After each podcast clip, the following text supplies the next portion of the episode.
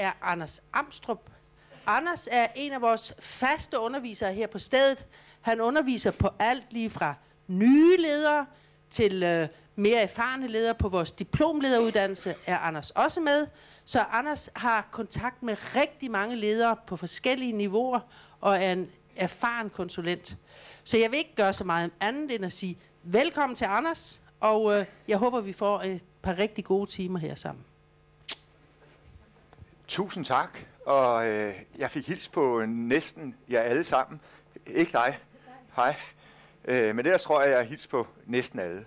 Og øh, jeg er rigtig glad for at være her sammen med, med jer. Jeg er oprindelig, ligesom jeg selv, leder, og har været det i mange år, indtil jeg i 2009 skiftede over til på, på fuld tid at arbejde med, med lederudvikling.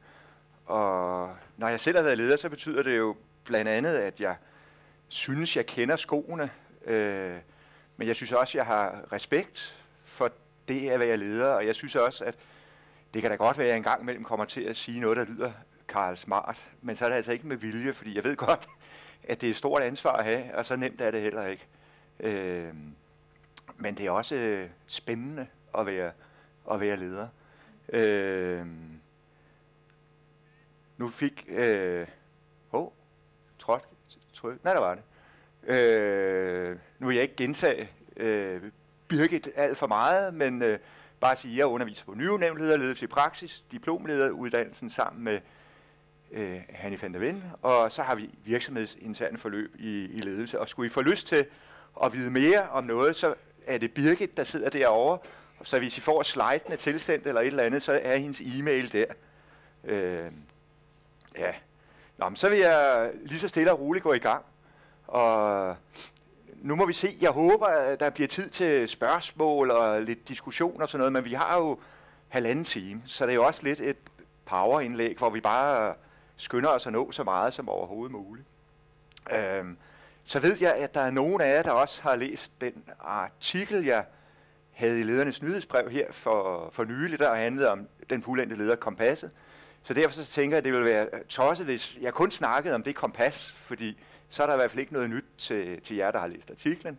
Så jeg har prøvet at øh, jeg få lidt forskellige ting med, som jeg tænker kunne være interessante. Og titlen på, øh, på foredraget eller morgenmødet er jo også, øh, hvad hedder det, den nye leders udvikling, øh, eller personlig modning, og, og så den fuldendte leder. Men øh, god vin og leder har et til fælles. Øh, de bliver bedre med, med årene. Og det, øh, det er jo ikke helt løgn.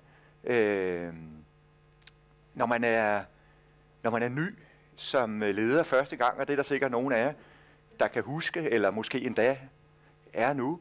Øh, jeg kan selv huske det. Jeg synes ikke, jeg havde noget problem, fordi øh, jeg synes jo, at øh, hvad hedder det, det var da på tide.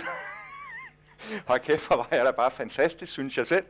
Øh, og så efterhånden, så er jeg blevet ældre og ældre, og øh, når jeg ser tilbage nu, så kan jeg jo godt se, at jeg havde jo primært øh, nogle stærke faglige kvalifikationer øh, og en masse ambition.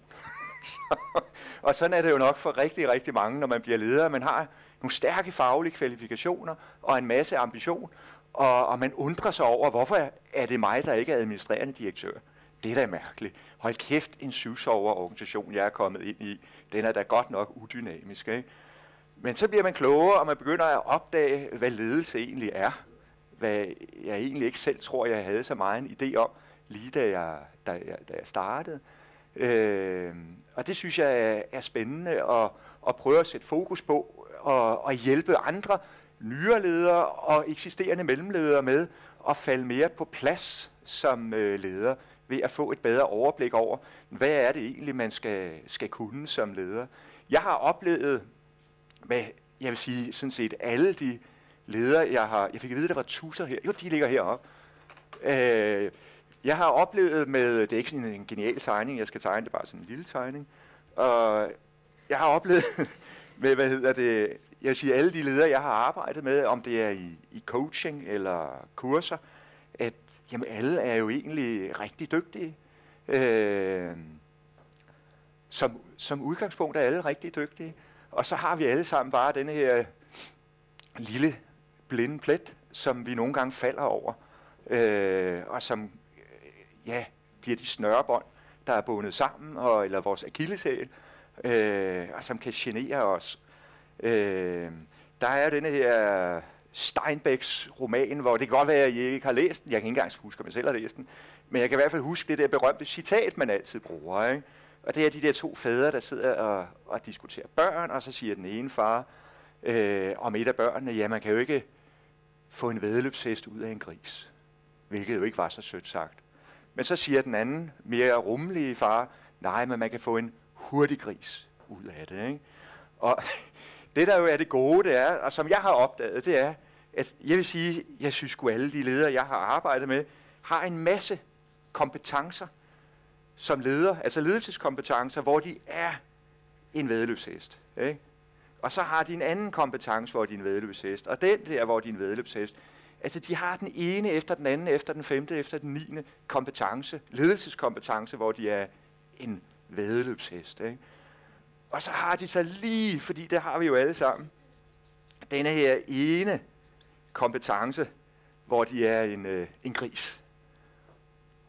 Og det er så den, man, øh, man falder over hele tiden. Ikke? Og det er også den, der gør, at man nogle gange kan have svært ved at få ens vedløbsheste ud og, og løbe. Og når man skal møde andre i kamp, i konkurrencen uden på, på arbejdsmarkedet, på, på jobbet, og hvis vi forestillede os, det var moderne femkamp, eller hvad det nu hedder, jeg er ikke så god til det, så øh, vil de alle sammen, og, og forestil jer, at jeg er dårlig lige præcis til hest. Ellers er jeg rigtig god til alt det andet, svær og svømning og hvad det er. Men så kan jeg være sikker på, at hver gang der er nogen, der vil møde mig i kamp, så bliver det til hest. Det er sgu altid den, jeg bagler med. Ikke? Og det der jo så er sagen, det er, at nogle gange så siger man, jamen øh, drop det. Koncentrer dig om dine styrker, og så glem den der ene lille gris. Ikke? Men tit så vil du opdage, det, bliver den, det er den, der bliver ved med at genere dig. Evig og altid. Det er altid den der. Og det, der er pointen, det er, jamen du skal jo ikke være en vedløbshest der. Du skal bare være en hurtig gris, en racergris. Ikke? Og derfor så synes jeg, det er legitimt at sige til sig selv, jeg vil sgu godt lige kigge på, på min gris. Jeg vil sgu godt lige se, hvordan kan jeg blive lidt bedre der. Og hvis det er med jer, ligesom med alle andre, jeg har arbejdet med, jamen når man så kommer fra gris til hurtig gris, så kommer alle ens vedløbsheste også ud at løbe. Øhm, så jeg synes, det, hvad hedder det er meget legitimt. Så var det lige, at vi skulle klikke en gang her. Øhm,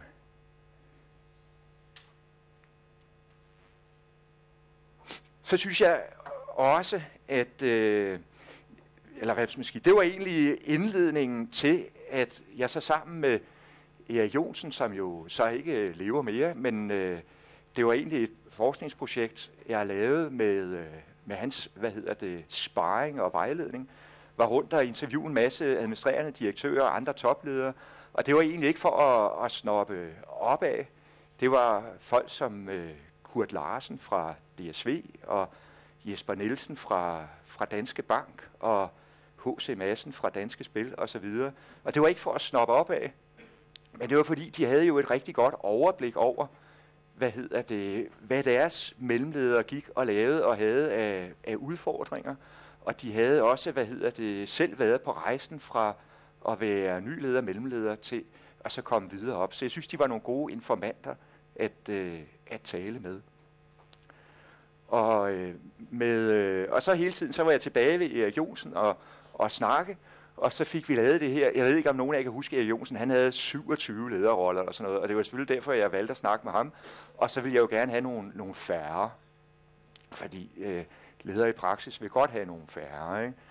Øh, og det, som hvad hedder det, ligesom er, er tanken i det, det var jo at få som leder et mere reflekteret forhold til det at øh, være leder, så man egentlig ikke bare hele tiden kører i sine vaner og impulser, men øh, prøver at komme lidt op i, i helikopteren og se, hvad skal der til for, at jeg bliver en leder? Hvor er det, jeg kan blive bedre? Hvad er det egentlig, jeg skal kunne som leder? Hvad er det egentlig, der er succeskriterierne? Øh, og få, få det beskrevet på en, en nem og, og enkel øh, måde. Øh, jeg havde også opdaget, at mange fordi man er så lojal over for sin virksomhed, så forveksler man lidt øh, virksomhedens resultater med mine resultater. Det er jo klart, at du skal tænke på virksomhedens resultater, men det er jo ikke dig, der skal give profit. Det er din virksomhed, der skal give profit igennem, at du lykkes med at nå nogle ledelsesmæssige resultater. Så virksomhedens profit er jo ikke, det, er jo ikke dit resultat. Det er et, et efterkommende resultat af de resultater, du går efter. Så prøv at få beskrevet, hvad er det egentlig for resultater, du skal gå efter som, øh, som leder. Øh, så er der mange, der siger, at øh, jamen, øh, jeg synes ikke, jeg har tid til at være leder. Og der har jeg opdaget, jamen, det er rigtigt, man har travlt som leder, men, en, men i højere grad, end at du ikke har tid til at være leder, så er det egentlig mere et spørgsmål om, at du mangler, hvad skal man sige, overskud til at være leder. Du mangler lige, og, og nogle gange lidt overblik til at være leder, fordi du har så travlt, så bliver du fanget i det her almindelige tunnelsyn, hvor du bare ræser dig ud af. Men det, hvor du tit skal være leder, det er jo egentlig i situationstegn bare i de samtaler, du alligevel har med dine lederkolleger, de samtaler, du alligevel har med dine medarbejdere, hvor du lige ved at tviste det lidt, udøver ledelse. Så det er jo egentlig ikke fordi, du nødvendigvis skal bruge en masse ny tid oven i den tid, du allerede bruger. Det er egentlig de samtaler og den kommunikation, du i forvejen har med, øh, med lederkolleger, med dine medarbejdere, med din chef, at du bare skal tviste det, hvis du har overblikket og overskuddet til at øh, være leder. Øh, det kan du finde på, hvad hedder det, ved at finde en at snakke med, ved at deltage i et morgenmøde som det her, hvor du lige har halvanden time til at sidde og tage den lidt med ro og få et overblik, og så tilbage i, øh, i trædemøllen, nær sagt. Ikke? Øh, men du kan også finde en, du kan diskutere med. De giver også overblik. En på din arbejdsplads, men helst en, der kender dig lidt som leder. Ellers så bruger man jo sin kone eller mand. Ikke? Øh, men det er altså rigtig godt at have en at snakke med. Øh, ellers så sidder vi jo bare og snakker med os selv i bilen frem og tilbage fra arbejde. Det er jo også godt, men det, det er godt at få nogle andre øjne på. Det kan forstyrre os lidt. Og så kan vi også nogle gange sige til os selv, det kan I måske også nogle af jer huske fra, når man starter i et nyt job som, øh, som leder. Og, altså lige til en start, så sidder man der ved sit skrivebord, og der sker ikke så meget i løbet af dagen. Og så begynder man at sidde og tænke, øh, jamen, øh, er jeg overhovedet noget, beviser jeg mit værd? Beviser jeg mit værd? Altså, skal jeg ikke have travlt for at bevise mit værd? Og jeg sidder bare her og kigger, hver gang der er nogen, der går forbi, så sidder jeg bare her, og der sker ikke en skid, vel? Og så lige pludselig begynder man at blive indkaldt til nogle møder og deltage i møder, og der opstår også nogle ildebrænde ude hos ens folk, hvor du må øh, hvad hedder det, gå i gang og redde de her ildebrænde. Og så begynder du at føle, ja, nu, øh, nu øh, har jeg en rolle, nu, øh, hvad hedder det, øh, nu, er, nu beviser jeg mit, øh, mit værd som, øh, som leder, for nu sker der noget. Men tit er det, der jo i virkeligheden sker, det er jo, at du reagerer. Du har jo ikke styring nødvendigvis på dit lederskab, fordi du bliver indkaldt til en masse møder og slukker en masse ildebrænde. Optakt til at sige, jamen, at tage styring på, hvad det egentlig er, du skal orientere dig omkring som leder, er det så også jo et bud på det her øh, kompas. Og øh, nej, vi må lige have et spørgsmål, så det ikke bliver for kedeligt. Øh, eller også er det bare mig, der synes, det er kedeligt, fordi det er bare mig, der snakker hele tiden. Nu har vi ikke lige øh, mikrofonen, men vi kan jo godt lige øh, spørge. Øh, nu kommer øh, Birke lige med. Det jeg bare vil spørge om, det var, kender I det der med, at man har så travlt, man næsten ikke har tid til at tænke over at være leder? Øh, er der en, der, der tør svare på det spørgsmål? Øh, må jeg få den, øh, Birke? Tak. Øh, kender du det? Ja, det gør jeg. ja. Og hvad hedder det? Øh, hvornår får du så tid til at være leder? Øh, jeg forsøger at tage mig tid en gang imellem til det. Ja. Hvad med de ledelsesmæssige refleksioner og, og tanker, så du ligesom er lidt på forkant? Hvornår får du tid til det? Det har jeg ikke tid til. Nej, det er en klassiker. Vi spørger lige herover. Kender du det der med, at man ikke har tid? Altså, øh, man får pludselig tid, når man ligger og prøver at sove om aftenen. Eller når man vågner om natten og tænker, Gud, hvordan har vedkommende det? Fik jeg lige snakket rigtigt ja. med vedkommende? Når man ligger der om aftenen og tænker over det, ikke? hvad gør man så? Øhm, så øh, skriver man det ind i sin kalender, man skal huske at gøre det næste dag. Ja, det, det var det, jeg ville sige. Ja, men det vidste du i forvejen rigtig godt. Ja. Så har man styring på men det. jeg gør det ikke altid. Nej. men man kan nogle gange bedre sove, når man får så skrevet det ned. At være skriftlig er jo en måde at tage styring på. Vi vi skal lige spørge her også. Øh, øh, kender du også det, at man næsten har for travlt? Ja, det hænder en gang imellem, ja. Ja. Ja. Hvad gør du så? Øh, øh, jeg, jeg sætter mig ned og mediterer. Det var da en god idé. Hjælper det? Ja, det er skide godt. Det skal lige sige, det har jeg ikke prøvet. Kan du ikke lige fortælle, hvordan det fungerer? Jo, jeg bruger halvanden time hver morgen. Står bare tidligt op, og så går jeg i gang. Hold da fest. Det lyder godt. Ja. Hvad hedder det? ja. Jamen, det kan vi godt se. Nej, det kan vi ikke. Nej, men nogle gange, så kan man også bare... Jeg har læst om en, han gjorde det, at øh, når han kørte hjem fra arbejde, så i stedet for at køre hjem, så et par gader tidligere, så kørte han ind og stoppede, og så sad han lige inden han kom hjem og tænkte dagen igennem, og den næste dag i sin bil, inden han så lige kørte de sidste 200 meter hjem og var inde i en ny trummerum, hvor der bare var travlt. Ikke? Altså finde et eller andet afbræk, hvor man kan tænke, eller endnu bedre øh, snak med nogen. Jeg har selv oplevet, at når jeg snakker med nogen, så er det ikke altid, at jeg lige, mens jeg snakker med den anden, synes jeg får noget ud af det. Nogle gange synes jeg måske, at Gud øh, spilder jeg egentlig lidt min tid her. Ikke? Men så øh, bagefter, så arbejder mine tanker med, med det nye, jeg har fra, fra den anden, og så lige pludselig, så er det der jo. Ikke? Så det er rigtig godt at snakke med andre. Vi skal lige videre til kompasset. Øh, nej, først skal, de er også med i artiklen, men det er jo bare de her eksempler på grise. Først så tænkte jeg, at det kunne være en god idé at spørge, hvilken gris kender du? Men så tænkte jeg, ej, det gider man ikke at sidde og snakke om. Øh, men man kan jo bare tænke på det, ikke? at det her det er nogle klassiske grise, øh, der kan spænde lidt ben for en. Ikke? Man går forrest alene for et time med, fortsætter med at ville være den bedste medarbejder, udelukkende faglig fokus, og så videre, og så videre. Bliver jaloux på sin egen dygtigste medarbejder. Der er en god liste her med, øh, med alle mulige grise, hvor man egentlig bare kan gå fra hurtig gris til, øh, nej, fra, fra langsom gris til hurtig gris. Nå. Selve de her udkigspositioner, og det er jo det, det er, fordi det er jo nogle forskellige boldbaner, at man som leder skal øh, bevæge sig på. Og øh, man kan også sige, at det er nogle forskellige ledelsesdomæner, du skal have et overblik over. Så du kan egentlig forestille dig, at du skal have et øh, udkigstårn, fem forskellige udkigstårne, hvor du kan kigge ud over de her forskellige ting.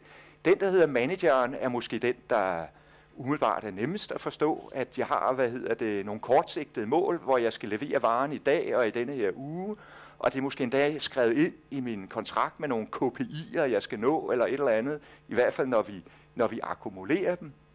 Så hvad hedder det? Manageren, øh, når du er der, så laver du i dine relationer til andre mennesker, så er det klar og tydelig kommunikation. Ikke? Klar og tydelig kommunikation. Og f- hvad hedder det? Forventningsafstemning og, og opfølgning.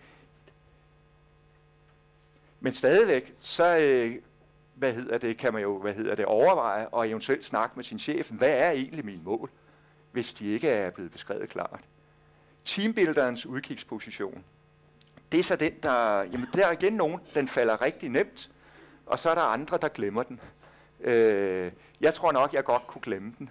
Øh, men det er en klassisk en, at i hvert fald os, der kommer lidt mere nede fra noget af det andet, der kan glemme den. Men der er nogen, der kommer fra denne her, og som er rigtig gode people manager, de er gode til at sørge for at skabe et fællesskab. Og det, det jo handler om her, det er jo egentlig at få et reflekteret forhold til at overveje, hvad er det for et fællesskab, jeg skal skabe? Hvem er det, jeg skal skabe det med? Og så gøre nogle aktive små ting for at skabe det. Det behøver ikke at være det helt store, men bare gøre sig klar, en del af mit job er at skabe et fællesskab hos mine medarbejdere, og måske øh, lidt bredere. Men have et reflekteret forhold til det, at sætte det op som et mål og få skabt det her fællesskab. Og hvis du ikke gør det, så er det jo lidt som når konen skrider, fordi øh, man har taget hende for givet og glemmer at snakke med hende, eller den anden vej rundt. Ikke? Øh, det kan også være, at de ikke skrider, både medarbejderne og konen eller manden, men at de bare er demotiverede. Ikke? Øh, vi er nødt til at sørge for, at der er et fællesskab. Det er vigtigt. En virksomhed er et fællesskab. Jeg skal lige sige, nu gentager jeg det mange gange, og det er fordi, dengang jeg var yngre leder, der fattede jeg ikke, at en virksomhed var et fællesskab. Øh, det er noget, jeg med årene er begyndt at, øh, at forstå, at en virksomhed er et fællesskab. Det vil jeg lige, hvad hedder det, virker den stadigvæk? Hvem har jeg ikke, er der, en- må jeg spørge dig? Virksomheden som et fællesskab, du, øh, det har du, for, har du forstået det? Det har jeg forstået rigtig Hvad går det ud på? Jamen, det, det, jamen, det er jo teamarbejde, ikke? Altså, det, vi- man kan jo ikke løfte det alene. Nej. Altså, det, er jo, det er jo et samarbejde med alle mulige forskellige øh, kompetencer. Ja. Øh, så så det, er jo- det, er ret, øh, det, er, det er jo ret vigtigt. Tak. Hva- Hvad er det fede, når du har fået lavet et fællesskab? Det er, at der også udvikler sig en fælles kultur. Altså en virksomhed er jo lidt et land. Det er Ja. ja. eget sprog, en egen kultur. Ja. Øhm, så det er jo også et fællesskab på den måde. Og, og hvad er det dårlige, hvis fællesskabet mangler? Altså nu er det ikke fordi, at jeg tænker, det er du specialist i, men Så Du- får man pissehammerende travlt som leder. ja, hvorfor? Fordi så skal man lave det helt selv. Ja. Plus, man skal trøste alle dem, der er givet af det og sure. øh, ja, Nå, men hvad hedder det? Men det er rigtig godt at have et reflekteret forhold til, at jeg skal lave et fællesskab. Altså, det er en del af min opgave som leder, det er at etablere et fællesskab. Og det kan jeg i hvert fald selv huske, at øh, det kunne jeg godt glemme. Jeg tænkte egentlig bare, hvis jeg går helt tilbage til, da jeg var ny leder, fedt mand, kontor jeg har, og så er det mig, der skal sidde for bordenden, når vi har, hvad hedder det, afdelingsmøde og sådan noget, ikke? Og så tænkte jeg selvfølgelig også på, at der var de der mål, virksomhedens mål, som jeg så troede var mine mål også. Ikke? Men det var jo ikke mine mål. Jeg skulle jo udøve ledelse, og så ville vi komme til at nå de her mål. Det var fællesskabet, øh, hvor du er teambuilder. Så er der denne her, hvor du er politiker, og det kunne jeg også godt glemme øh, for mit eget vedkommende. Nu er det altså ikke mig, det er lavet ud fra, men alle de her interview. Øh, men øh, når du er politiker, så handler det om at skabe, etablere, at andre støtter dig og giver dig din opbakning. Det er ikke helt det samme som at etablere et fællesskab. Men du skal simpelthen etablere forudsætningerne for, at andre støtter dig og giver dig deres opbakning. Og nu politiker kan være et ord, som man ligesom kan få fnyder af, men det skal ikke nødvendigvis forstås som noget ondsindet noget, vel? men egentlig bare at opføre sig på en måde, hvor jeg igennem min kommunikation husker også lige at sælge, sælge mig selv, når jeg kommunikerer, som, hvad hedder det, øh, en person, der er troværdig i virksomheden, som kender virksomheden og ved, hvordan man i denne her virksomhed når fra A til B. En, man kan stole på, og som har et, et netværk af relationer og alliancer med andre, hvor man jævnligt taler med hinanden og stoler på hinanden. Så begynder du ligesom at have forudsætningen for, at andre giver dig opbakning og, og støtter dig. Øh, hvem har jeg ikke? Øh, betydningen af at have opbakning og støtte, er det vigtigt? Ja, det er det jo. Jeg tænker også, det handler også tit om, at når man som leder skal sidde i møder, og man skal til at forhandle om ting, så er det, giver det jo også god mening øh, Ja. i forhold til beslutninger. Hvis man har glemt at være politiker, og så sidder i møder, så kan det komme bag på en, at det man troede, da alle ville være for, det blev sgu ikke engang vedtaget, og så går man fra møder og tænker, hvad skete der lige her? Ikke? Men hvis man havde sørget for at have opbakning rundt omkring, så er mødet jo egentlig bare en formsag. Må vi lige spørge øh, en mere? Øh, det her med at sikre sig opbakning, hvordan er det? Vi, vi vender den lige om. Hvordan er det, hvis man som leder ikke har opbakning og støtte? Du kan jo have det på to niveauer, ikke? For du kan have det af dine medarbejdere, du kan også have det af dine ledere. Ja, prøv at fortælle om begge dele. Jamen, begge dele er jo noget skidt. Ja. Fordi, øh, så har du svært ved at nå dit mål, ikke? Jo, Så, så men det er lidt nogle af de andre ting, man kommer til at løbe lidt selv, og Ja. jeg tror, jeg har i hvert fald oplevet, at jeg havde selv ved at forstå, hvad der egentlig var, der skete, og som du selv siger, ikke? jo. Øhm, så øh, det er nok det med grisen, ikke? Ja, Ja. hvor, hvor, man så pludselig, det går ud over de andre vedløbsheste, som du siger, ikke? ja. Vi er rigtig mange, vi i hvert fald mig selv, der har prøvet at glemme politikeren. Fordi hvis man er lidt en ildsjæl, og mange ledere er lidt en ildsjæl, der, der kæmper for tingene og har snuden i sporet, og så glemmer man lidt politikeren. Og man kan for eksempel, hvad hedder det, glemme, Peter Drucker, den gode gamle ledelsesguru, der var ledelsesguruernes ledelsesguru. Så han var ledelsesguruen over dem alle, men han sagde jo, den vigtigste person at lede er ikke en af dine medarbejdere, den vigtigste person at lede er din chef. Ikke? For hvis ikke du har hans opbakning, så går det hele galt. Ikke? Så kan du være nok så god en leder over for dine medarbejdere. Men du skal sørge for at have, for have opbakning, og det er nemmere sagt end gjort, men hvis du i hvert fald til en start gør det til et reflekteret mål, at kæmpe for at få opbakning de centrale steder, og så er det jo, du skal til at tænke de der moderne ord, der hedder stakeholder management og interessentanalyse, og lige gøre dig klart, hvem er vigtige for mig. Så nogle gange, når jeg siger det til folk, så er der nogen, der siger, nej, sådan en fedterøv vil jeg ikke være. Det er da falsk at skulle tænke over, hvem jeg vil have gode relationer til. Nej, det er jo en del af dit job. For at få tandhjulene til at køre, så skal du tænke over, hvem er vigtig, at jeg har opbakning til. Det er en del af dit job. Ikke? Og så, hvad hedder det, og så gå lidt systematisk til værks. Det var lige politiker udkigspositionen, som man, øh, som man godt kan glemme. Og øh, så er der strategen. Det er ikke alle, den er, er relevant for, men den er da lidt relevant for, for alle.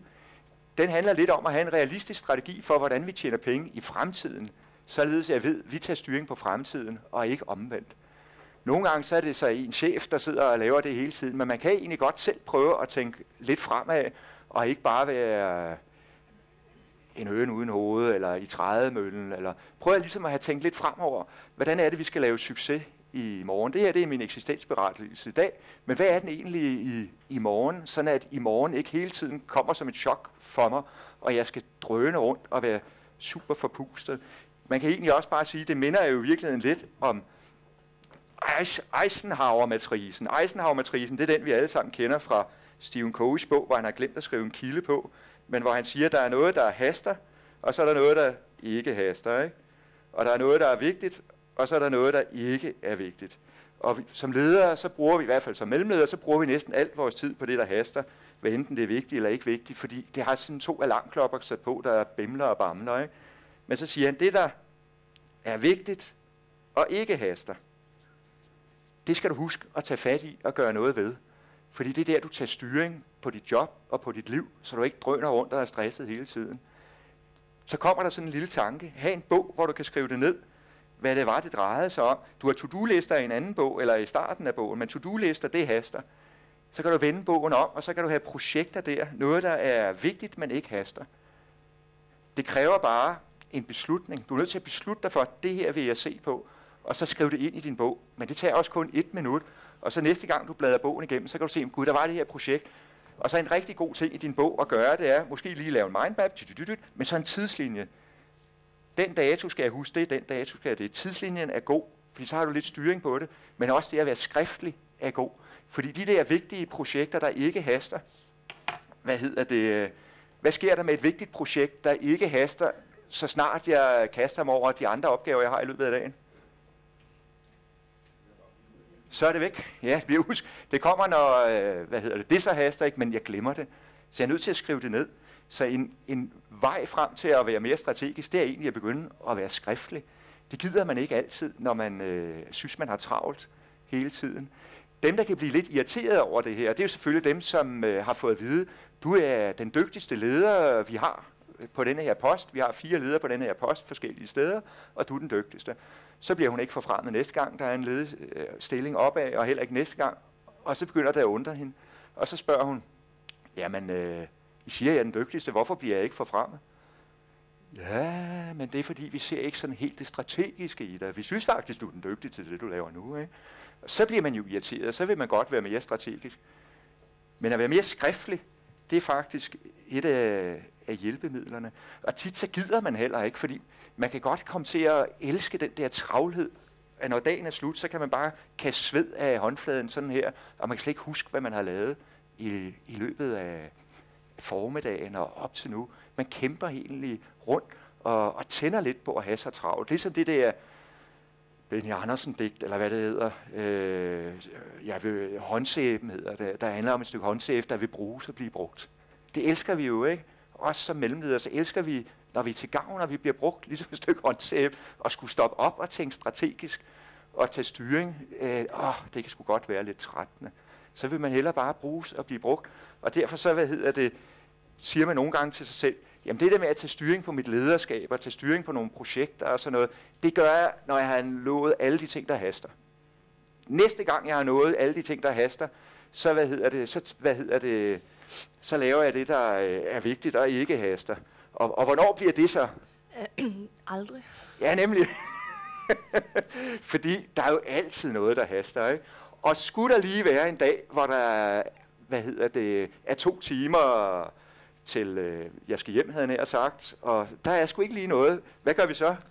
Jamen, så, så sidder man måske og drosler lidt ned i tempo og, ja. og får et overblik over, over det. Så får man ikke taget fat i de der ting. Øh. Ja, overblik er selvfølgelig godt nok. Men, men det, det, øh, det vi også kan finde på, øh, det er, at så kigger vi e-mailsen igennem. Er der ikke en eller anden ildbrand, der er dukket op? Og så går vi rundt hos folkene og siger, er der ikke en eller anden ildbrand? Ikke? For jeg gider ikke det strategiske. Jeg gider det simpelthen ikke. Jeg har ikke kræfterne til det. De fleste kan godt sætte et kvarter af om morgenen til at, at tænke lidt strategisk styring på mit eget lederskab. Og så efter det kvarter gå i gang med e-mails og alt muligt. Det kan man egentlig godt, hvis man virkelig vil. Øh,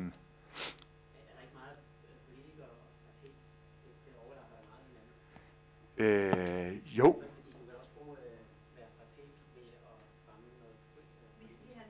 Hov, undskyld. Åh, godt, godt, Birgit. Jamen, du kan fremme øh, rigtig meget øh, din politiske side ved at være strateg også. Ja. Fordi i strategen, der kan du forme, hvad du gerne vil over for ledelsen. Ja. Øh, og komme frem med nogle planer, således at det kommer i en bedre situation. Så, så, spiller de, ja. så spiller de på den måde sammen, ja. fordi du har tænkt, jeg skal positionere og sælge mine projekter over for ledelsen på den måde, og så laver du nogle rigtig gode strategiske analyser, som de så siger ja til. Ja, så går det i hånd i hånd på den måde. Og der er ikke mindst, når, hvad hedder det, du skal øh, sælge dem over for ledelsen, som kan tænde på endemålet, nemlig så tjener vi flere penge. Og, og så er det også en god idé, øh, det er at involvere dine medarbejdere i det, så man ikke bare bagefter selv står med en strategisk analyse, som ingen kender noget til. Så de hænger selvfølgelig sammen. Så vil jeg sige, at den, der er en klassiker at arbejde med, og det var den, der kom ind som den femte i midten, fordi den er ligesom forudsætningen for at få god succes med dem alle de andre fire. Det er den, der hedder forældren. Og det er jo sådan et, et lidt sjovt navn. Men det kommer altså jo lidt af, at den første chef, vi alle sammen havde, eller de fleste af os havde i hvert fald, det var vores mor og far. Det er jo egentlig dem, der på en eller anden måde har i mange år, det er jo i de første år af vores liv, at vi er mest modtagelige for at lære, hvordan relationer skal være og alt sådan noget. Så det er jo egentlig der, vi har lært meget om, ubevidst, hvordan en leder skal være. Både så vi, øh, når vi vurderer vores egen leder, men også så vi har noget ubevidst inde i os selv omkring, hvordan skal jeg være leder. Noget ubevidst, vi egentlig ikke rigtig tænker så meget over. Så det er dels derfor, den hedder forældre, men det er også fordi, at du som leder jo egentlig i forhold til dine medarbejdere er en slags forældre. Det skal man ikke sige til folk, så det lyder ulækkert. Og hvis I tænker på jeres egen leder og tænker, skulle det være min mor, skulle det være min far, så, øh, så giver det heller ikke altid lige helt mening, vel? Men det, man jo som leder også skal, som ligger i forældrerollen, det er, at du skal have denne her balance i dig selv, og denne her styrke og rummelighed, der gør, at du kan skabe en tryghed. Og det er denne her tryghed, du skal kunne skabe, som jo ligesom er forudsætningen for, at man kan arbejde med, med alt det, det andet. Det kræver, at du har øh, integriteten, styrken, men også, at du har rummeligheden. At du kan være denne her forældre, der kan give tryghed til, til alle dine børn. Og du skal kunne fagne alle dine børn, havde jeg nær sagt. Der er ikke nogen af dem, som du ikke må kunne, kunne fagne. Det er ikke det samme som øh, at være teambuilder. Forældrene øh, er ikke nødvendigvis en, som man synes er flink. Øh, men der er en, øh, en loyalitet. Altså, som du ikke nødvendigvis kan mærke i form af, at han eller hun kommer og ærer dig og siger, lille kanin, hvor er du sød. Men der er en loyalitet, som, sørger, som gør, at hvis der er den loyalitet fra din chef til dig for eksempel, at han ikke klipper snoren, men tværtimod, så sætter han måske nogle ekstra tråde på den, uden at du helt lægger mærke til det. Øh, og så på anden vis, hvad hedder det, giver dig at sikre, at der er denne her, hvad hedder det, øh, tryghed den der, hvad hedder, åh, oh, der har vi lige en kommentar.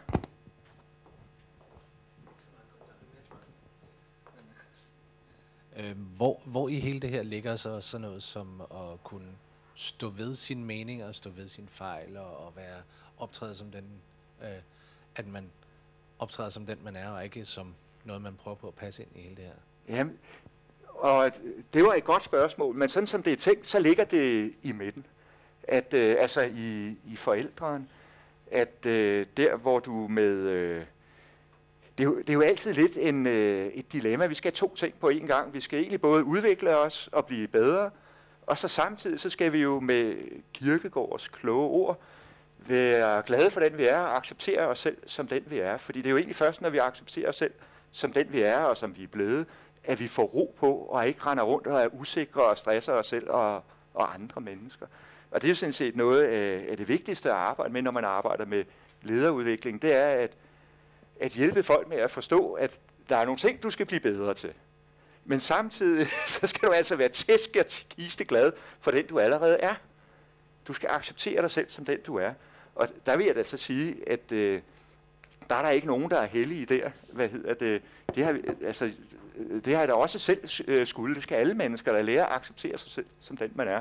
Samtidig så vil jeg så sige, det der med at lære sine blinde pletter at kende og prøve at kunne tage hånd om dem, det kan man altså næsten også bruge hele sit liv på, fordi nu er jeg så 51, og jeg kan jo stadigvæk opdage, hvad hedder det, blinde pletter. Nu er jeg jo så så heldig, at jeg siden 2009 har været selvstændig konsulent, og så er man ikke ligesom inde i, hvad hedder det, jamen så er man, ikke, så er man lidt udenfor. Så er man lidt sin egen. Ikke? Men nu har jeg så et samarbejde med en person, som, hvad hedder det, som jeg arbejder meget sammen med. Og, øh, og i det samarbejde kan jeg godt blive gjort opmærksom på blinde pletter. Og, og jeg kan se, de blinde pletter har jeg da vist haft hele mit liv. Og, og jeg kan så godt, når jeg synes, det bliver vigtigt nok, kan jeg da godt beslutte mig for, at øh, det vil jeg da gøre noget ved. Øh, så det er jo, hvad hedder det, livslang øh, udvikling at forenes med sig selv og acceptere sig selv som den, man er, men også samtidig at øh, men jeg kan egentlig også sige, at når jeg lærer min egen blinde pletter at, at kende, så accepterer jeg jo også mig selv som den, jeg er. Fordi det er sådan, jeg er. Ikke? Den havde jeg ikke lige tænkt på før.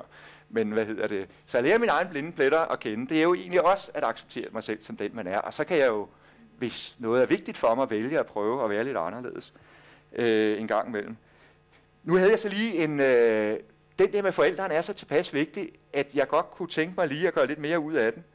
Og... Øh, Hvornår var det, vi startede? Vi startede, jamen så følger vi øh, tidsplanen rigtig fint. Øh, oh, jamen, inden jeg gør, så vil jeg lige spørge, giver det nogenlunde mening, denne her med forældrene, og øh, hvad hedder det, og er, er jeg enig i, den er vigtig? Jeg, jeg har ikke stillet dig et spørgsmål, tror jeg. Må jeg spørge dig? Det må du godt, for jeg sad lige og tænkte over det. Jeg, jeg, jeg har lidt svært ved den, øh, fordi jeg vil jo helst øh, have en voksen-voksen relation ja. til medarbejdere, frem for en sådan forældre-barn, som det her ligesom ligger op til. Ja. Øhm, så jeg har lidt svært ved den. Ja. Øh, inden jeg selv siger noget, så er der i hvert fald lige en markering her. Jamen, jeg, jeg fik den øh, tanke på det at være forældre i forhold til, jeg tænker ikke så meget det, at det skulle være øh, øh, forældre barn i forhold til ens øh, medarbejdere, men jeg tænker, at det, at man så forældre i forhold til sine børn, skal elske dem lige meget, stort set, ikke? Øh, og sådan er det nok også med ens øh, medarbejdere, man skal respektere dem lige meget. Og så ved jeg jo godt, at man kan være i de situationer, hvor der er nogen, man holder lidt mere af, og har nogle større sympatier for en andre. Men det må man være sådan lidt mere skuespilsagtig og, og respektere dem lige meget for den, de er. Ikke? Jo. Fordi de kan jo, de kan jo godt lugte, hvis man ikke gør det. Ja. Så er der kontant afregning ved kasse 1, det gør noget ved relationen. Ikke? Jo. Igen, inden jeg selv siger noget, må jeg lige spørge, uh, jeg spørger lige din sidedame. Hvad, hvad vil du sige til den, de kommentarer, vi lige har haft omkring forældrerollen? Ja. Mm, det ved jeg faktisk ikke. Nej. ja, oh, så, så tager vi lige der en markering herover. Der er en, der er klar. Jamen, jeg tænker, det der med trygheden, du har skrevet op, er det mere sådan, man skal se forældrerollen, end, end at det er en voksen-barn-relation? Så er det at skabe ja. et trygt rum.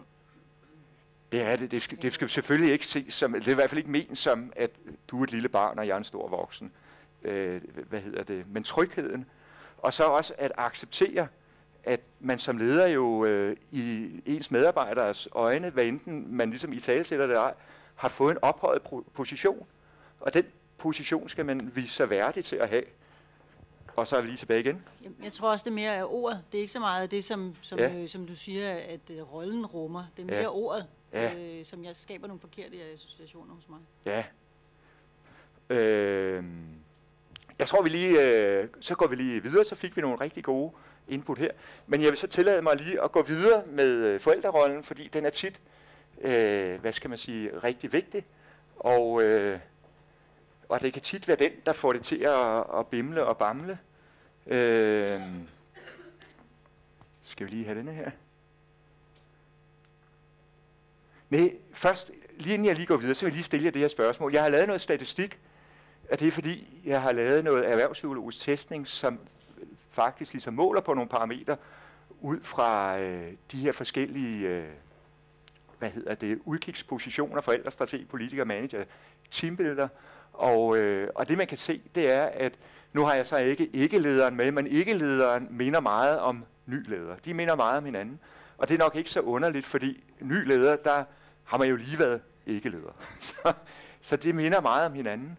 Øh, og det man kan se her, det er, at det som ligesom fylder mest i, øh, i den nye leders hvad hedder det, psykologiske fokus, og det er, øh, det er teambuilder-positionen. Det er det, man har mest øje for. Så kommer politikeren, manageren, forældreren, strategen. Øh, når man ligesom tager nogle, nogle gennemsnitstal. Men det sjove er, når man så går over til toplederen og seniorchefen, så teambuilderen, den ligger faktisk på den laveste. En anden sjov ting, det er, at øh, hvis vi ser den nye leder, så forældren, den ligger nederst. Øh, mens hvis vi ser på seniorchefen, så er den steget til den næsthøjeste, og hvis vi ser på toplederen, så er forældrene steget til den allerhøjeste øh, af dem alle sammen. Og jeg har også lavet sådan noget statistik på ja, administrerende direktører, det er jo det, der er her. Øh, og det er forældrene, der ligger aller, aller højst hos dem. Øh, er der nogen, der har et bud på, der tør give et bud på, hvordan kan det være, det ser sådan der ud? Øh, er der nogen, der tør give et bud på, på det? Øh, nu tænker jeg over, jeg kan næsten ikke huske, hvem jeg ikke har spurgt. Jeg har ikke spurgt øh, dig. Nej. Har du et bud på det? nu, du, nu kan de andre jo tænke, mens du sidder og prøver at finde ja, ja, et svar. Ja, ja.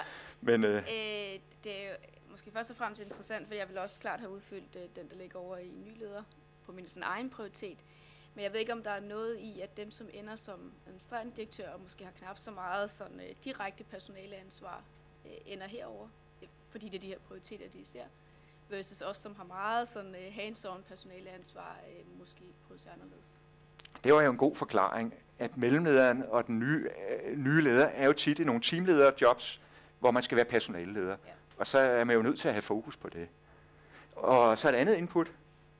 Men jeg sad og tænkte på, om øh, det med forældreopgaven, øh, opgaven, at har det ikke meget at gøre med måden, man leder på? Mere end med rollen, hvor jeg synes, de andre fire, det er meget rollerne i det. Altså hvor øh, forældre, det, du siger, at man skal kunne rumme, man skal respektere, man skal ligesom formidle fællesskabet og samarbejdet og alle, alle fire andre discipliner. Så derfor synes jeg, det giver meget god mening, at en topleder, han, han, skal, han skal kunne rumme det hele, hele virksomheden. Ja. Alle typer mennesker og afdelinger og ting og sager. Og en seniorchef er næsten der, og en ny leder er mere nede i øh, substansen, som du siger, ikke? Mere hands-on med, med nogle opgaver osv. Ja. Altså på den måde synes jeg, det giver meget god mening. Ja. Jamen, øh, altid tak for kommentarerne. Er der en, der har lige en sidste, øh, eller flere kommentarer på, hvordan det her det giver mening? Øh, må- jeg, må jeg spørge dig? Hvordan tænker du, det giver mening? Jamen, det giver også mening for mig. Jeg, siger, jeg er jo et eller andet sted ny leder, så den vej af. Og, Ja. og, og det er helt klart, at uh, teambuilding, det har jeg også øh, haft meget fokus på Ja. tidligere, men der er jeg så også begyndt at rykke lidt uh, den anden vej. Prøv, prøv lige, at- undskyld, hvorfor havde du fokus på det lige til en start? Det jeg ikke. Så jeg ikke bare starter sådan som leder. Ja. øh, hvor man er meget driftsorienteret. Øh, Ja. og, og, og så udvikler man måske nogle, nogle flere kompetencer øh, med erfaring. Ja. Øh, så du be- bedre kan fagne ting.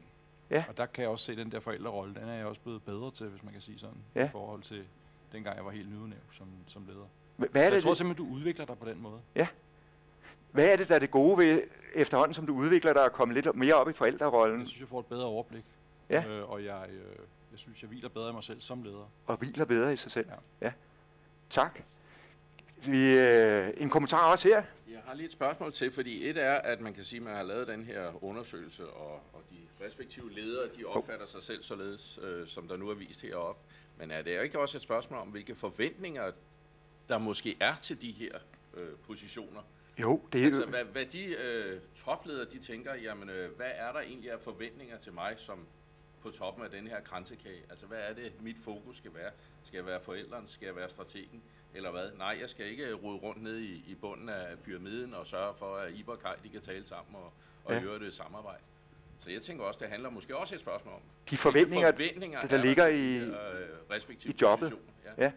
Det tror jeg... øh, Det er svært at sige, hvad kom først, hønen eller ægget, men den der har jeg også selv tænkt over.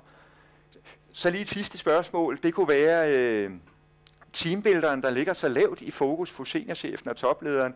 Hvor, hvorfor gør den det? Og, øh, kunne det? og nu spørger jeg lige dig helt herovre ved radiatoren. Er det, øh, burde den ligge højere? Ja, men så kommer til gengæld forældrene jo op og fylde rigtig meget, fordi man har været igennem de andre strategisk, mener jeg. At Ja. man har været igennem de andre roller, Ja. og, øh, og har, som der også bliver nævnt heroverfra, andre folk til at tage sig af det. Ja.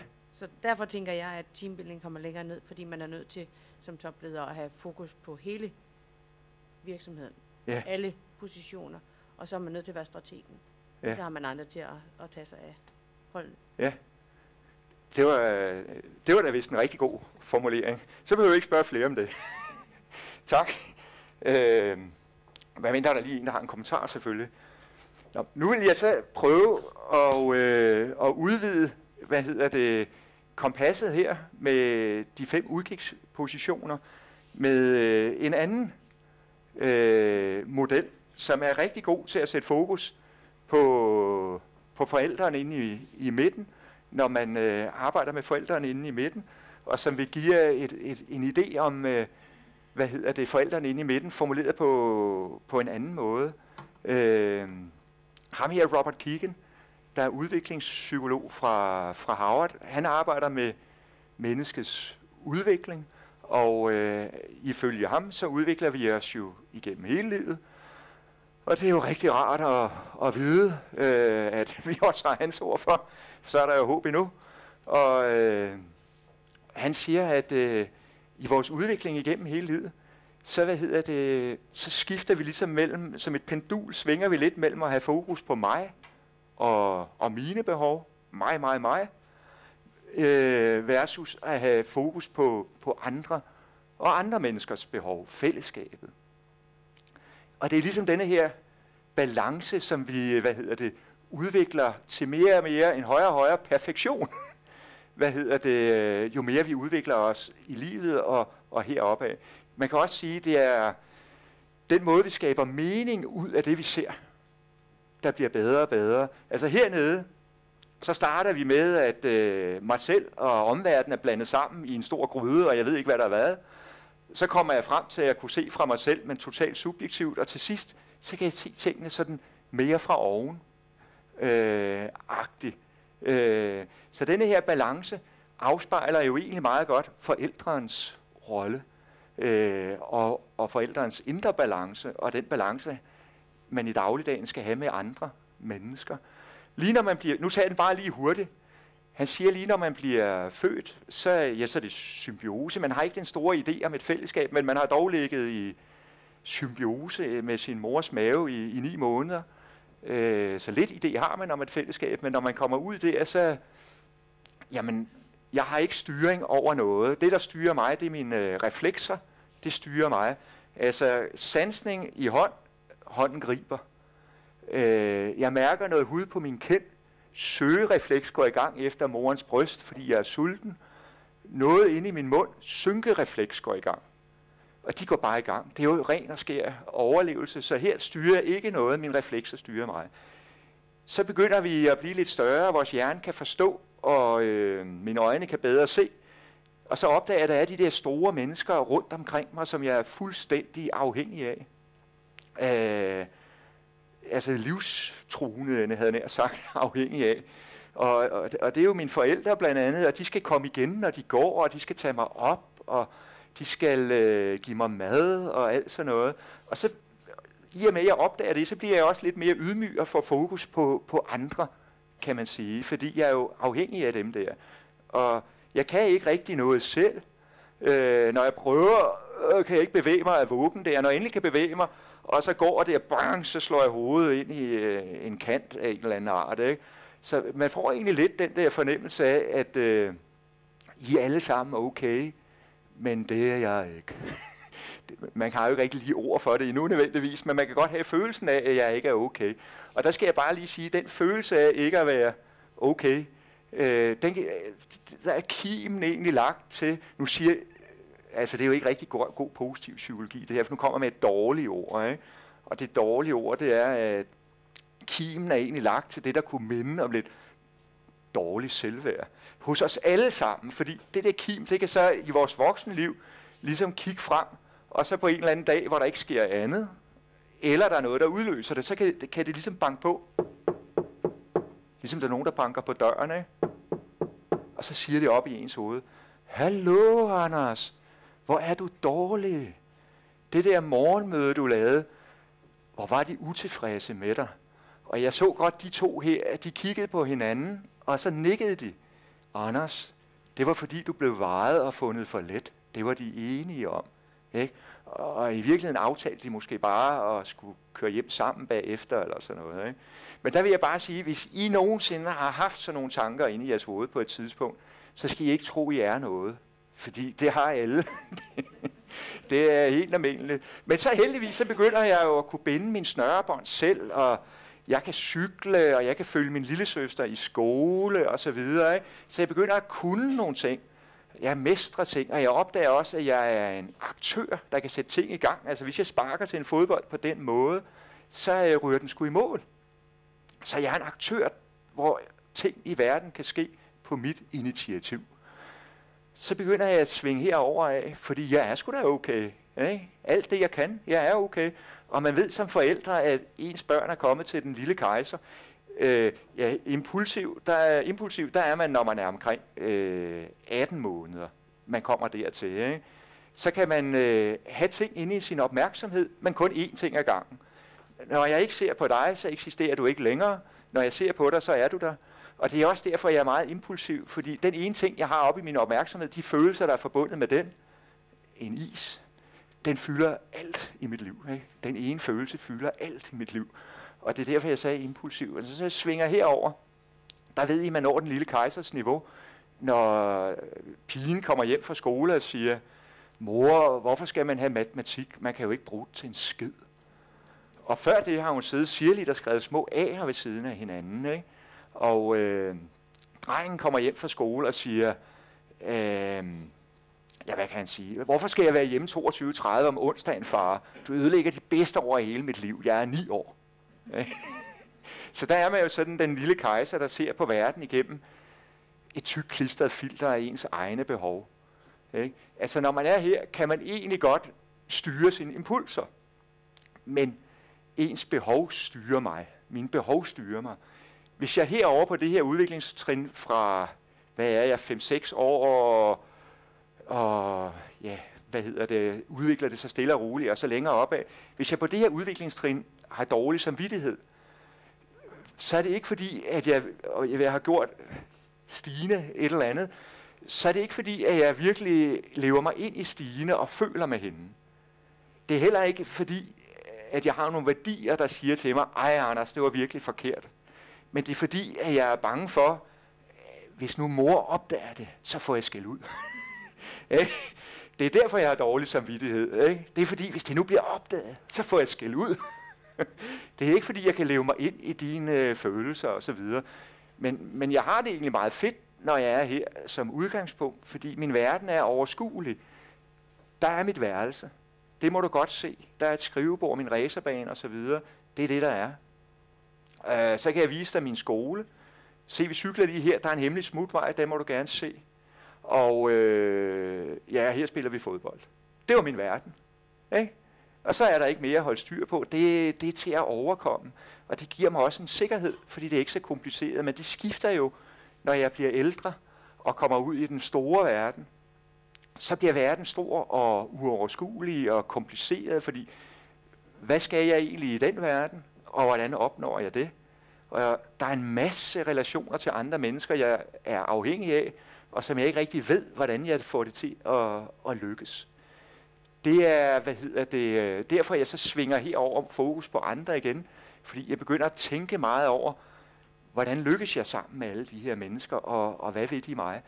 Det, der sker, når jeg kommer herover, det er, at nu får jeg styr på mine behov. Nu kan jeg styre mine behov. Til gengæld er der noget andet, der styrer mig, og det er det sociale felt.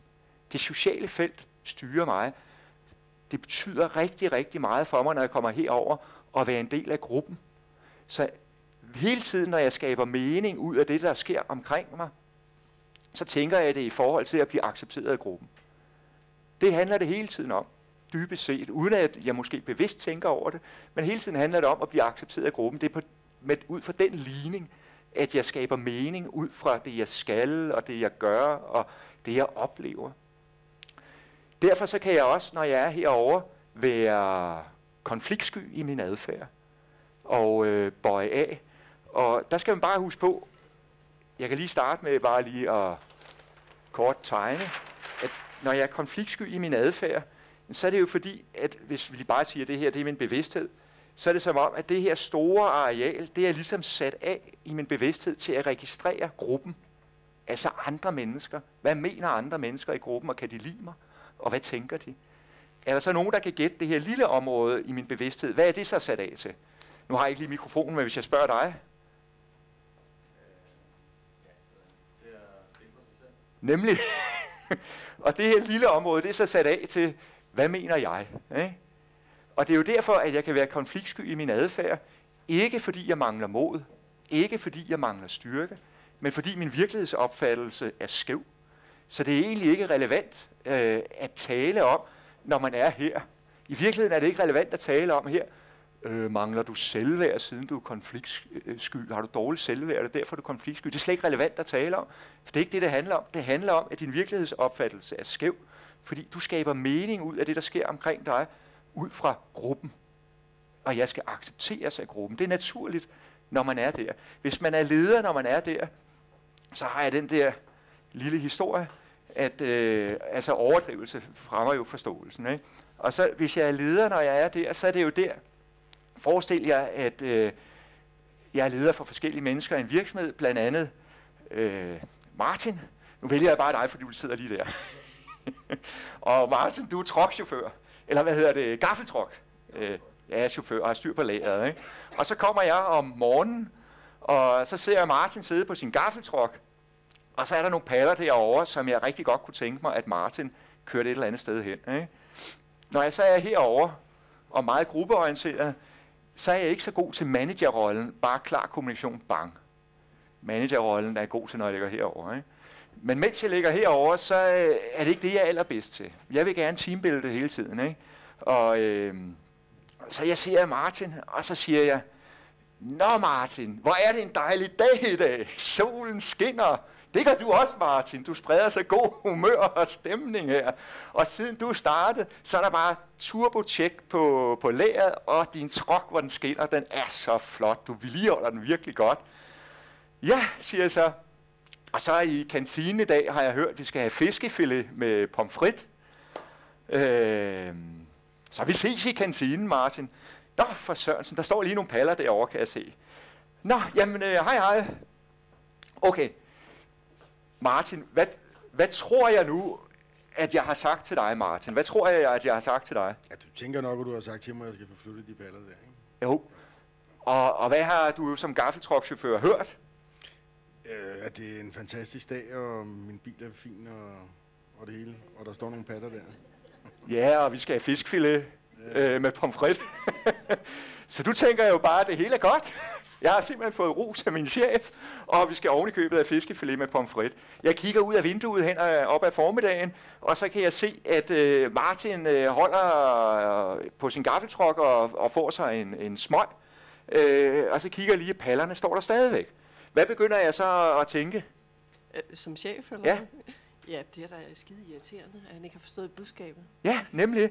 Så jeg begynder sådan at blive lidt irriteret. Og, øh, og, og, og når jeg er på de der øh, træerne, så kan jeg heller- heller ikke altid helt skelne mellem, hvad har jeg sagt, og hvad har jeg tænkt. Så jeg begynder sådan at blande det sammen. Jeg synes at jeg har klart nok sagt det til ham, ikke? Og så hvis jeg bliver lidt klar over, at jeg ikke har sagt det, så siger jeg til mig selv, jamen han er jo et voksen menneske, han kan vel selv regne det ud. Ja, Jeg skal ikke være mor for ham. Han kan vel selv regne det ud på den måde, jeg sagde det. Øh, nå, så bliver det frokost, og jeg kan se, at Martin han sidder der og får tre portioner fiskefilet med pomfrit. Så jeg tænker, han er dyr i drift, så lidt han laver. Og han tog to aprikos sodavand. Øhm, så hvad hedder det, kigger jeg ud af døren øh, hen ad eftermiddagen, og øh, så kan jeg se, at han sidder igen og får sig en smøg, og pallerne er der stadigvæk. Hvad tænker jeg så? Tænker nu, Martin han bestemt ikke laver sit arbejde, han ikke fatter, hvad du siger til ham? Nemlig. Og nu er jeg så så utilfreds, at når jeg er derovre, så går jeg op til min egen chef, og så siger jeg, kan du huske dengang, vi øh, ansatte Martin der sagde du, at vi skulle lige overveje, om han nu var den rigtige. Jeg, jeg tror, det er nu, vi skal overveje det, du sagde dengang. Jeg prøver endda også at skubbe ansvaret over på min chef. Ikke? Og så næste dag, så bliver Martin fyret, og øh, vi siger, du en organisationsændring eller sådan noget til Martin. Ikke? Og der er ingen, der har sagt noget til ham. Sker det nogle gange ude i virksomheder? Ja. Det er jo altså, så relativt sjældent, at du vil udnævne øh, en person øh, til leder, der har de egenskaber. Hov, undskyld, undskyld. Jeg siger bare, at det, at det er jo sjældent, at du vil udnævne en person med de egenskaber som leder. Altså, så har du i hvert fald ikke været særlig dygtig i rekrutteringsprocessen, vil jeg sige. Ja. altså man siger også, at hvad hedder det, det er ikke naturligt at være leder, når du er herovre. Men derfor så sker det jo samtidig øh, alligevel, at en person, når, øh, hvis du siger til ham, at han er konfliktsky og sådan noget, ikke? Øj, jeg kræfter ikke konfliktsky, ikke? Og så skal han puste han sig op som en stor pseudo-alfa han, ikke? Og, og så, øh, når man ser i løbet af dagligdagen, så, så kan der alligevel, hvad hedder det, være noget af det her. Der, hvor du eksempelvis ser det, det er, når en leder overtager en, øh, en afdeling efter en laissez-faire leder, som bare har siddet inde på sit kontor og, og ikke rigtig været en synlig leder, der har taget fat og forventningsafstemt og ryddet op og sådan noget. Når man aftager en afdeling efter en laissez-faire leder, så er der højt sygefravær, øh, konflikter, dårlig performance og alt sådan noget. Og, og selvfølgelig er det jo så udtryk for, at den tidligere leder har været fejlkastet. Det er rigtigt. Øh, eller han burde udvikle sig. Men det, det sker da fra tid til anden. Det øh, som måske mere i det små end det eksempel, jeg lavede her. Øh, må, jeg, må jeg lige spørge, øh, altså, kan det ske en gang imellem, at øh, en leder ligesom har noget, at der kommer lidt for meget af det der træeren? ja, det vil jeg godt mene, der kan. Det var sødt sagt. Hvad hedder det? Øh? Nej, jeg vil ikke spørge mere om det. Jo, der er lige en kommentar herover. Øh, jamen, jeg tænker på, kan der ikke også ske det øh, med den leder, at han tænker, øh, jeg er sgu dårlig til det her. Jo. Og så begynder at reflektere over det. Det der, det der jo nemlig sker, når man er leder og er herover, det er, at man bliver fanget i en masse krydspres, fordi du får ikke sat, sagt fra og forventningsafstemt på en god måde over for din chef. Du får ikke forventningsafstemt over for dine medarbejdere, og de lederkolleger, der er på siden af dig, æder sig ind på dit domæne, så det bliver mindre og mindre. Ikke? Så derfor så får man rigtig, rigtig ondt i maven, når man er der. Og øh, man begynder at kunne høre, at ens medarbejdere synes, man er en lorteleder. altså noget, så man begynder at få det rigtig dårligt. Og det, det i gang sætter jo så en udvikling. At man lige så stille og roligt begynder at køre den vej deroppe af, fordi man bliver provokeret af udviklingen. Hvis man så har ambitionen til at ville det, ikke? Så kommer udviklingen af alle de her ubehagelige oplevelser og, og refleksioner, der kommer i gang. Og stille og roligt, så kommer udviklingen. Og man siger, at øh, ja, for at komme herfra og heroppe af, så skal du, øh, du skal lære dig selv at kende på godt og ondt. Det er for eksempel også det her med at lære både sin vedløbsheste og sin grise at kende. Ikke? Så skal du lære at acceptere dig selv som den du er. Det var det, vi var inde på før med Søren Kierkegaard, havde han sagt. Og, øh, og det er altså rigtig svært at acceptere sig selv som den, man er. Jeg har sagt det før, og tør godt lige sige det en gang, og jeg så siger det nok aldrig igen.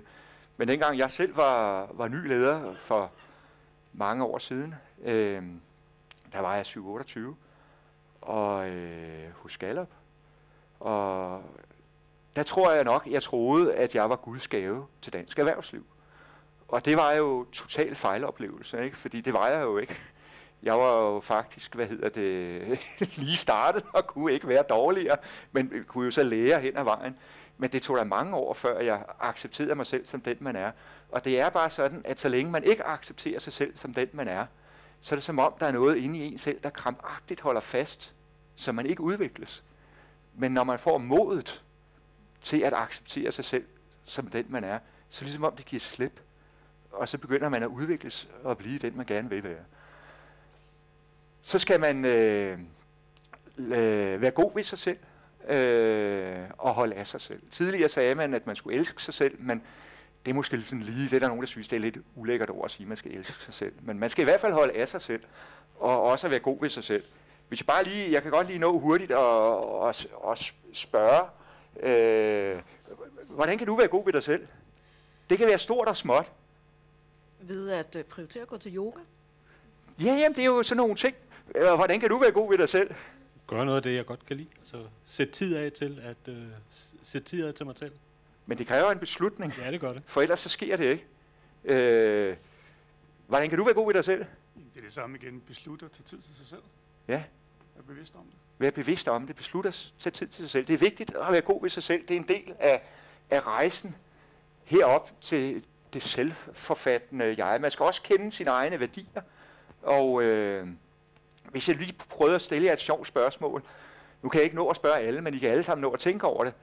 Og spørgsmålet er, hvad kan gøre dig rigtig vred ved andre menneskers måde at opføre sig på? Ikke? Prøv lige at tænke over, hvad kan gøre dig rigtig vred ved andre menneskers måde at opføre sig på? Og når du lige har tænkt over en, to ting, der kan gøre dig vred ved andre menneskers måde at opføre sig på, vred, så prøver du at sige til sig selv, hvis det her kan gøre mig vred, hvad er det så for en værdi, jeg har?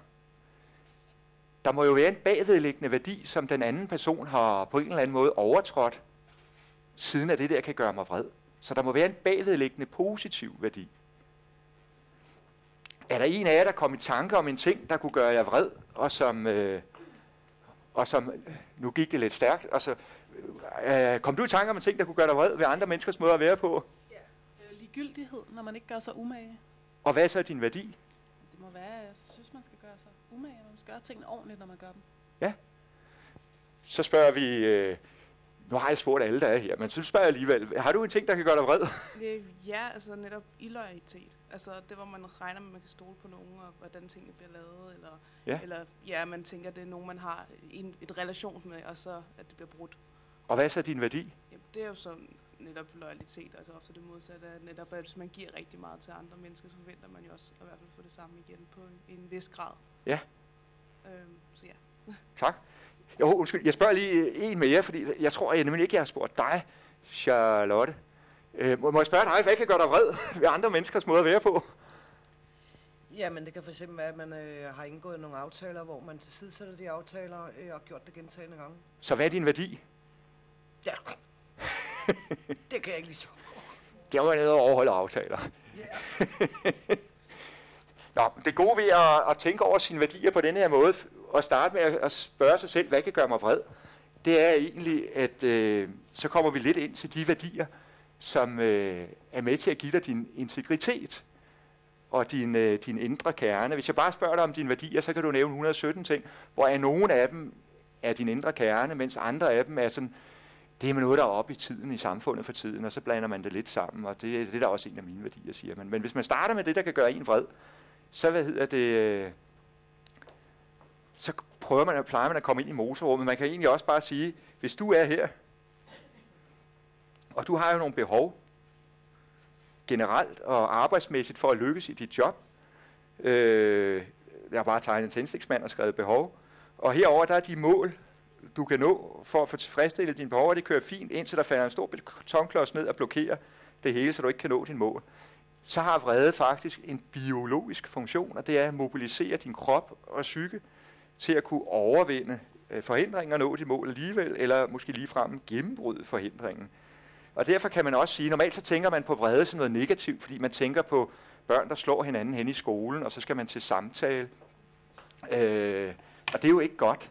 Men vrede kan også ses på en anden måde i det her øh, situation som en livsenergi, en livskraft, som du på en eller anden måde er nødt til at kunne mobilisere for at have energien og poweren til at nå det, du vil. Så skal du bare sørge for, at den livsenergi kommer ud af øh, din mund i form af intelligent kommunikation. Fordi ellers så har man jo problemet. Ikke? Øhm, når du kommer herop til det selvforfattende jeg, så hedder det jo så det selvforfattende jeg, fordi jamen, nu er du ikke længere styret af gruppen, og et dybt følt behov for hele tiden at være accepteret af gruppen. Nu er du kommet videre, sådan at det sociale felt ikke styrer dig, men at du faktisk tager styring på det sociale felt. Så du kommer et trin højere op, når du kommer, når du kommer herop. Øhm, det, der så styrer dig, når du er kommet herop, det er din, din kerne og din identitet. Det jeg er, det jeg står for. Og dermed så bliver du egentlig også, hvad hedder det, naturlig at have som leder, fordi du bliver egentlig, når du kommer herop, en slags institution. Fordi jeg ved jo, hvad der er op og ned. Jeg ved jo, hvad vej vi skal. Og, og det har jeg hele tiden en trang til at implementere i mine omgivelser. øh, så derfor er det meget naturligt at, at være leder, når man kommer, kommer herop. Øh, og, og man, øh, hvad hedder det, hvad fanden var det, mere jeg skulle sige med den? Det var, at øh, men så er der nogle gange nogen, der er kommet derop, og som er der på en lidt skæv måde. Det er som om, at de ikke bare er der, men at de er helt derovre. Altså i virkeligheden, så sker der måske det, at de ryger herned en gang imellem. Ikke? Men øh, vi kan også sige, at de er helt derovre. Ikke? Øh, hvordan, er, hvordan er sådan en leder, der er røget helt derover? Må jeg spørge dig? Ja, men jeg tror lige, jeg har svært ved at forestille mig det lige nu. Ja. er der en, der lige har øh, en god idé? Er det en sød leder? Åh, der er et bud hernede.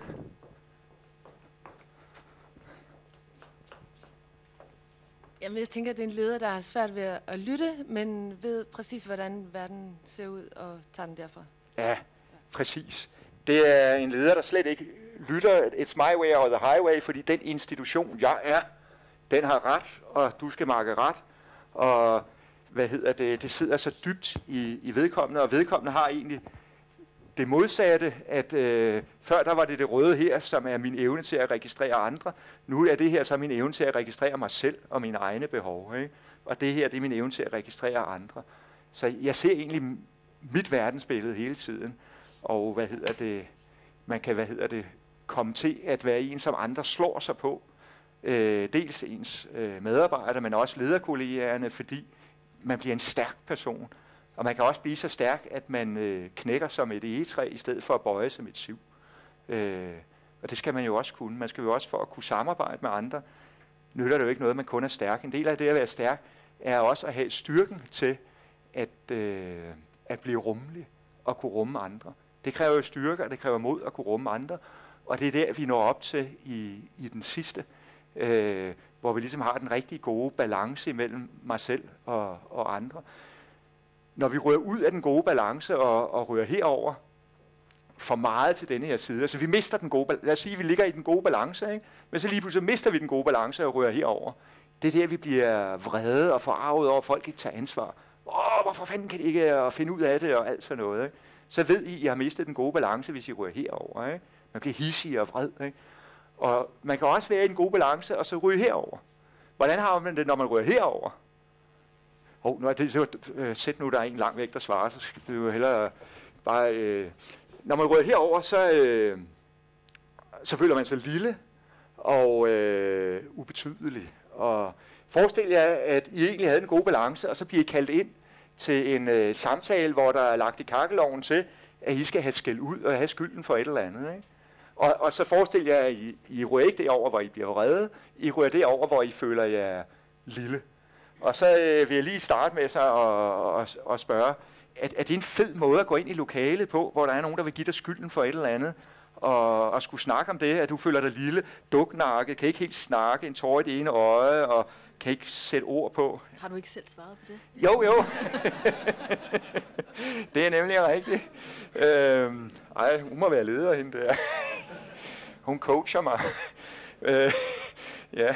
Øh, og det er nemlig rigtigt, det er en rigtig dårlig måde at gå ind i øh, det lokale på øh, og skulle lave den forhandling, fordi jeg ligner jo en skyldig. De tænker jo, det er en tilståelsessag, han får lige skylden. Ikke? Og så er der den anden, hvad gør man ved det svage dyr? Det svage dyr, man hopper ovenpå det og æder det. Ikke? Så det er en rigtig dårlig måde at gå ind i lokale på. Og der er det jo her, at jeg har de her hemmelige piller, som jeg jo øh, deler ud af. Og nu får I lige alle sammen et glas af de her hemmelige piller. Og øh, så skal jeg lige kigge væk, mens jeg siger, hvad det hedder, for de hedder nemlig fuck you piller.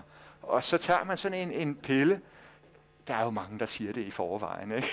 Men så tager man sådan en pille, og så går man ind i lokalet, og det der grimme, grimme ord, det gør jo bare, at man ligesom mander sig lidt op. Det kommer helt indenfra, der kommer den der lille vrede, den der lille livsenergi. Den der lille livsenergi, og det den jo egentlig følelsesmæssigt siger, det er, back off, jeg har også lov at være her, ikke? Back off. Ikke? Jeg har også lov at være her. Det er det, den følelsesmæssigt siger, så man lige kan gå ind i, i rummet med, hvad hedder det, med, med rank ryg. Og så tager man bare en mere, hvis virkningen holder op. Ikke? Nå, det her, hvad hedder det, vi har kigget på her, det er øh, Kigens øh, model for øh, social modning, og som, øh, synes jeg, passer rigtig godt på, øh, på lederrollen. Øh, fordi det er jo det, det meget handler om, når man skal være leder. Hvad hedder det? Som nyere leder, det ved jeg ikke, om I kan genkende til, så er man egentlig, den rejse, man er på, er jo egentlig meget rejsen, den gule der, her fra det socialiserede jeg, og så træde ud af gruppen til at blive den, der styrer gruppen, til det selvforfattende jeg, som nyere leder. Øh, som seniorchefen, så ligger man deroppe og er typisk af institutionen. Og øh, som topleder, jamen der kan man jo ligge alle mulige forskellige steder, men ofte så ligger man et sted mellem 4 og 5. Og der var engang en klog øh, afrikansk leder, som vi havde på kursus herinde hos lederne, og han var 15 år ældre end mig, tror jeg, i hvert fald 10.